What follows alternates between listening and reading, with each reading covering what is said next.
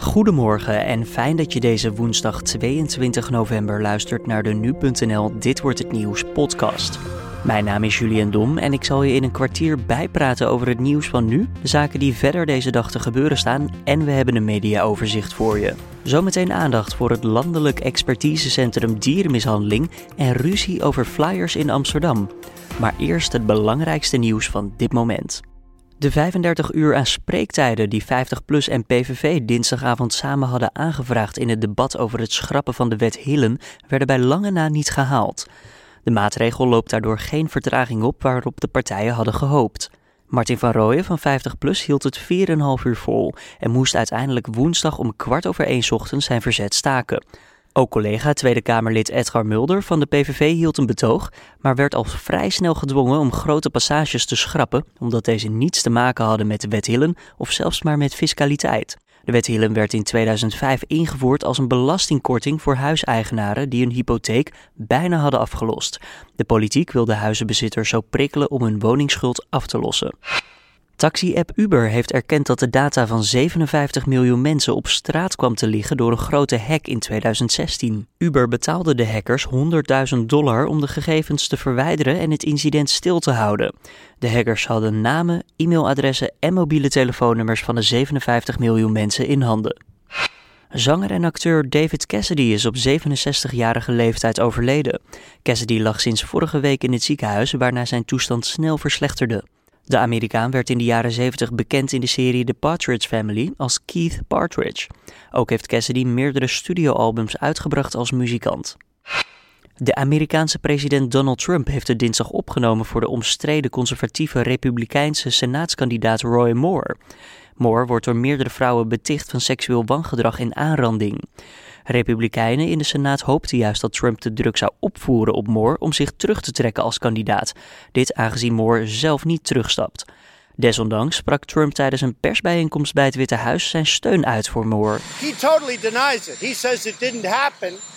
And you know, you have to listen to him also. Dan kijken we even naar de nieuwsagenda van deze woensdag 22 november. Vanmiddag wordt het Landelijk Expertisecentrum Dierenmishandeling geopend bij de Universiteit Utrecht. Het centrum is nodig omdat het voor dierenartsen momenteel erg lastig kan zijn om dierenmishandeling te herkennen. De artsen zijn opgeleid om de dieren te genezen, maar aandacht voor mishandeling is nog relatief nieuw, al dus de universiteit. Blauwe plekken kunnen bijvoorbeeld minder snel opvallen door pigmentatie van de huid. We spreken daarover met dokter Nienke Endenburg van de faculteit Dierengeneeskunde aan de Universiteit Utrecht. Ik vraag haar of het probleem zo groot is in Nederland dat het expertisebureau er daadwerkelijk moet komen. Uh, nou, we denken dat het uh, veel groter is dan dat we allemaal denken, omdat heel veel diermishandeling achter de voordeur plaatsvindt. En, en dan zie je het eigenlijk niet. En we hebben het dan met name over diermishandeling van gezelschapsdieren, zoals honden en katten, konijnen of knaagdieren. Okay. Um, en wat je wel vaker hoort in de media is bijvoorbeeld uh, paardenmishandeling. Ja. omdat mensen dat wel zien. Want um, is het dan zo dat we heel veel meldingen eigenlijk niet binnenkrijgen omdat dierenartsen gewoon niet zien dat het om dierenmishandeling gaat? Of durven ze niet een melding te doen bijvoorbeeld? Nou, het kan alle twee. Uh, maar dieren hebben natuurlijk een vachtje. Um, en daardoor is het uh, moeilijker te herkennen. Of als dieren botbreuken hebben, um, dan zie je dat natuurlijk ook niet aan de buitenkant. Um, dus het is moeilijk te herkennen en vandaar dat we sinds uh, een aantal jaren daar uh, uh, aandacht aan besteden op de faculteit diergeneeskunde. Um, maar als dierenartsen het dan al herkennen, dan vinden ze het ook best wel heel erg lastig om daar een melding van te maken. Omdat ze zeggen, ja, we willen niet ten onrechte iemand beschuldigen bijvoorbeeld. Ja. Um, en wat ik dan altijd probeer uit te leggen is dat, want dieren die mishandeld worden, komen net zo vaak bij de dierenarts als dieren die niet mishandeld worden. Okay. En degene die het dier brengt, is ook heel vaak niet degene die het dier mishandelt. Oké, okay, het kan bijvoorbeeld gebeuren door, ik noem maar wat, de oppas of kinderen of uh, zoiets. Ja, of de buurman of de uitlaatservice. Je weet het niet wie het doet en dat is ook niet aan de dierenarts om dat uh, uit te maken. Dat is aan de politie en, en de rechterlijke macht om daar uh, onderzoek in te doen en daar een uitspraak over te doen. Uh, wat dierenartsen kunnen doen is alleen het melden van uh, dat ze een dier op tafel hebben bijvoorbeeld, uh, waarvan uh, de verwondingen overeenkomen met wat lijkt op dierenmishandeling. Ja, en speciaal om die verwondingen te herkennen of beter te herkennen, komt dat uh, expertisecentrum er nu. Hoe, hoe ziet dat er dan uit? Um, hangen daar allemaal foto's van, nou, dit hoort wel en dit hoort niet? Of wat moeten we daarbij, ons daarbij voorstellen? Uh, nou, uh, in eerste instantie hebben we een beperkt aantal dierenartsen. Dat zijn er uh, ongeveer 30. En als een dierenarts een dier op tafel heeft staan en denkt, het verhaal wat, wat de eigenaar erbij vertelt, klopt eigenlijk niet bij wat ik zie, dan kan die dierenarts in een beveiligde website uh, foto's, röntgenfoto's en het verhaal uploaden. Mm-hmm. Um, aan de andere kant zit er een expertpanel. Dat zijn uh, forensisch experts van het uh, NFI. Uh, en hier van de faculteit diergeneeskunde um, uh, pathologen, dus veterinair pathologen en ook röntgenologen. Ja. En die kijken samen naar uh, al die foto's en naar het verhaal. En die doen dan een uitspraak van dit is waarschijnlijk of meer waarschijnlijk of helemaal niet waarschijnlijk dierenmishandeling. Okay. Dat geven ze terug aan de dierenarts.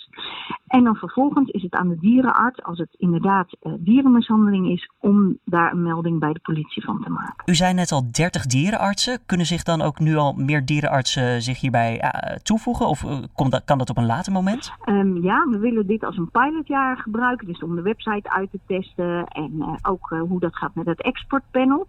Um, en dan willen we in de loop van het jaar meer dierenartsen toelaten. En dan eigenlijk, uh, als we de pilot hebben afgerond en geëvalueerd en het nog beter hebben gemaakt, uh, dan is het toegankelijk in principe voor alle dierenartsen in Nederland. En er is ook al veel belangstelling vanuit het buitenland.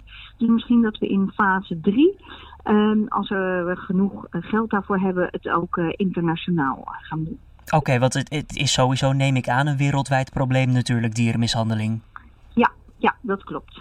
Zeg, um, ja, kunnen mensen die zelf thuis een, een, een, kat of een hond hebben en die denken van, nou weet je, misschien is er inderdaad wat met mijn dier, kunnen zij op jullie website terecht voor meer informatie bijvoorbeeld? Ja, um, uh, mensen, eigenaren van dieren kunnen geen melding maken of als je in de straat loopt en je denkt, oh volgens mij uh, wordt die hond mishandeld, dan moeten ze echt terecht bij 144, maar op de website uh, bij ons van het LED kun je wel uh, kijken van hoe kan je dierenmishandeling herkennen. We hebben signalenkaarten, uh, je, hoe je ook mensen daarover kunt aanspreken. Dus er is een heleboel informatie te vinden. Ja, want het aanspreken is misschien nog wel het moeilijkste. Als stel je verdenkt iemand ervan of je ziet ergens een dier die mogelijk niet helemaal eruit ziet zoals die eruit zou moeten zien. Ja, mm-hmm. 144 bellen, dat klinkt misschien meteen al als verklikken, wat, waar we het eerder al over hadden. Ja, nou ja, en, en weet je, en nogmaals, je weet gewoon niet wie het doet. Je ziet alleen bijvoorbeeld een hond ernstig kreupel lopen. Of goh, die heeft uh, iedere keer loopt die kreupel. Of uh, ene keer aan de linkerpoot en dan aan de rechterpoot. En dan weet je nog steeds niet of het dierenmishandeling is. Daar heb je geen idee van. En je weet al helemaal niet wie het doet. Dus iemand beschuldigen lijkt me sowieso nooit een goede. En daar is het let ook niet voor. Het let is om dierenmishandeling te herkennen. En nogmaals, de rechterlijke macht moet onderzoek doen en moet uh, uitvinden wie het dan doet. In zo'n geval kan de dierenpolitie, om het zo even te noemen, dan ook daadwerkelijk ingrijpen? Of moet er alsnog toestemming komen van de eigenaar van zo'n dier? Nee, nee, als, als de dierenpolitie uh, denkt dat een dier mishandeld wordt, dan kan de dierpolitie, of dat is politie met taakaccent dier, op dat moment doen waarvoor ze zijn. Dus inderdaad uh, dingen gaan ondervragen uh, en, en uitvinden of het inderdaad dierenmishandeling is en wie het doet. Okay. Dus de dierenpolitie is daartoe bevoegd. Je hoorde dokter Nienke Endenburg van de Universiteit Utrecht. De gemeente Amsterdam staat vandaag in de rechtbank tegenover drie partijen uit de folderbranche. Amsterdam wil inwoners vanaf 2018 zelf laten kiezen of zij folders willen ontvangen. Dat zou betekenen dat mensen in plaats van een nee-nee-sticker een ja-ja-sticker moeten plakken op de brievenbus. Die sticker moeten de mensen ook zelf aanvragen. Zonder sticker krijg je geen reclame in de bus. We praten hierover met Sikko Debbenhoff van de Nu Regio redactie. Ja, Sikko, de regeling maakt onderdeel uit van de aangepaste algemene plaatselijke verordening in de stad. Wat wil Amsterdam eigenlijk realiseren met dit plan? Eigenlijk gaat het om papierverspilling tegengaan. Uh, de gemeente die zegt met het invoeren van de stickers 1,8 miljoen kilo aan eh, papier per jaar te gaan besparen. En dat staat gelijk aan 6000 bomen die dan niet gekapt hoeven worden. Best een hoeveelheid dus. Dat is best een hoeveelheid. Dus een, een gemiddeld huishouden in Amsterdam krijgt zo'n 34 kilo aan uh, folders per jaar in de bus. Nou, raadslid Jonas van Lammeren van de Partij van de Dieren, de partij die ook het voorstel heeft ingediend, die zegt dat meer dan 30% van de reclamefolders ongelezen in een vuilnisbak belandt. Dat is dus van die 34 kilo die een gemiddeld huishouden per jaar krijgt. Amsterdam verwacht dat de helft van de mensen die nu geen sticker hebben geplakt, um, dat die een ja-ja-sticker gaan plakken. Dan iets meer dan 20% die zal het naar verwachting niet doen. En dat zou dan een besparing van 1800 ton kilo per jaar betekenen. Leuk allemaal natuurlijk, maar ja, wat valt er nou eigenlijk onder reclame? Want volgens mij krijgen Amsterdammers meer in de bus. Klopt, dit gaat alleen om commerciële reclame van winkels en bedrijven. Dus de folders die je van de supermarkten krijgt en dergelijke? Uh, supermarkten, warenhuizen. Maar wat er dus niet onder valt, dat zijn de huis-aan-huisbladen met uh, lokaal, buurtnieuws en dergelijke. Oké, die krijg je gewoon nog binnen, ook al heb je die sticker op je brievenbus. Zelfs met een ja-ja-sticker, daar vallen de huis- en huisbladen dus niet onder. Ik kan me voorstellen, een slimme adverteerder die denkt dan van... nou weet je, ik mag niet meer in het ene foldertje, dan ga ik gewoon naar die huis- en huisbladen toe, toch? Dat is ook precies wat de advocaat van de folderbranche zegt. Die heeft een, eh, een, een onderzoek eh, ontvangen en uh, volgens hem zouden dan de huis- en huisbladen dikker worden... omdat de adverteerders van de reclamefolders nu massaal naar de huis- en huisbladen zullen gaan. Dan doe je eigenlijk je hele idee teniet. Precies, want daarmee zouden nou ja, de huis- en huisbladen dikker worden en alsnog de papierverspilling, uh, nou ja, het zou er best wel meevallen eigenlijk. Ja, Sikko, hoe denkt de gemeenteraad eigenlijk over dit idee? Nou, uh, het voorstel kan uh, rekenen op een brede steun van partijen als D66, PvdA, SP en GroenLinks. En zij hebben dan 36 van de 45 zetels. Dat is echt wel een ruime meerderheid. Ja, zijn er ook al andere steden die ditzelfde plan hebben ingevoerd, die met een ja-ja-sticker zijn gekomen? Ingevoerd nog niet, maar de ontwikkelingen worden wel gevolgd door andere steden als uh, Rotterdam, Den Haag en Utrecht volgens AT5. Uh, maar vooralsnog is er nog niks concreet. Je hoorde Sikko Debbenhoff van de Nu Regio redactie. Het Joegoslavië-tribunaal doet vandaag uitspraak tegen Ratko Mladic, de voormalige commandant van de Bosnische Serviërs. De aanklagers hebben een levenslange celstraf geëist tegen Mladic. Volgens hen speelde Mladic een centrale rol in de gruwelijkheden van de Bosnische burgeroorlog begin jaren 90. Het proces duurt al ruim vijf jaar. De verdediging heeft betoogd dat Mladic nooit het bevel heeft gegeven tot de moordpartijen. Vandaag komen de advocaten van de twee agenten die betrokken waren bij de fatale aanhouding van Mich Henriquez aan het woord. Hun pleidooi volgt op de strafeis van het Openbaar Ministerie van maandag. Het OM zegt dat de agenten schuldig zijn aan mishandeling, maar dat een schuldverklaring straf genoeg is. De agenten zelf hebben altijd gezegd dat het toegepaste geweld nodig was bij de arrestatie van de man, omdat hij hevig verzet bood. En minister van Economische Zaken en Klimaat Erik Wiebes bezoekt vandaag het aardbevingsgebied in Groningen. Hij doet dat voor het eerst in zijn hoedanigheid als minister. Hij zal op verschillende locaties met bewoners en bestuurders praten over de gevolgen van de gaswinning in de regio. Minister Wiebes gaat onder andere naar Huizingen, Appingedam en Loppersum. Dan kijken we naar het mediaoverzicht voor vandaag.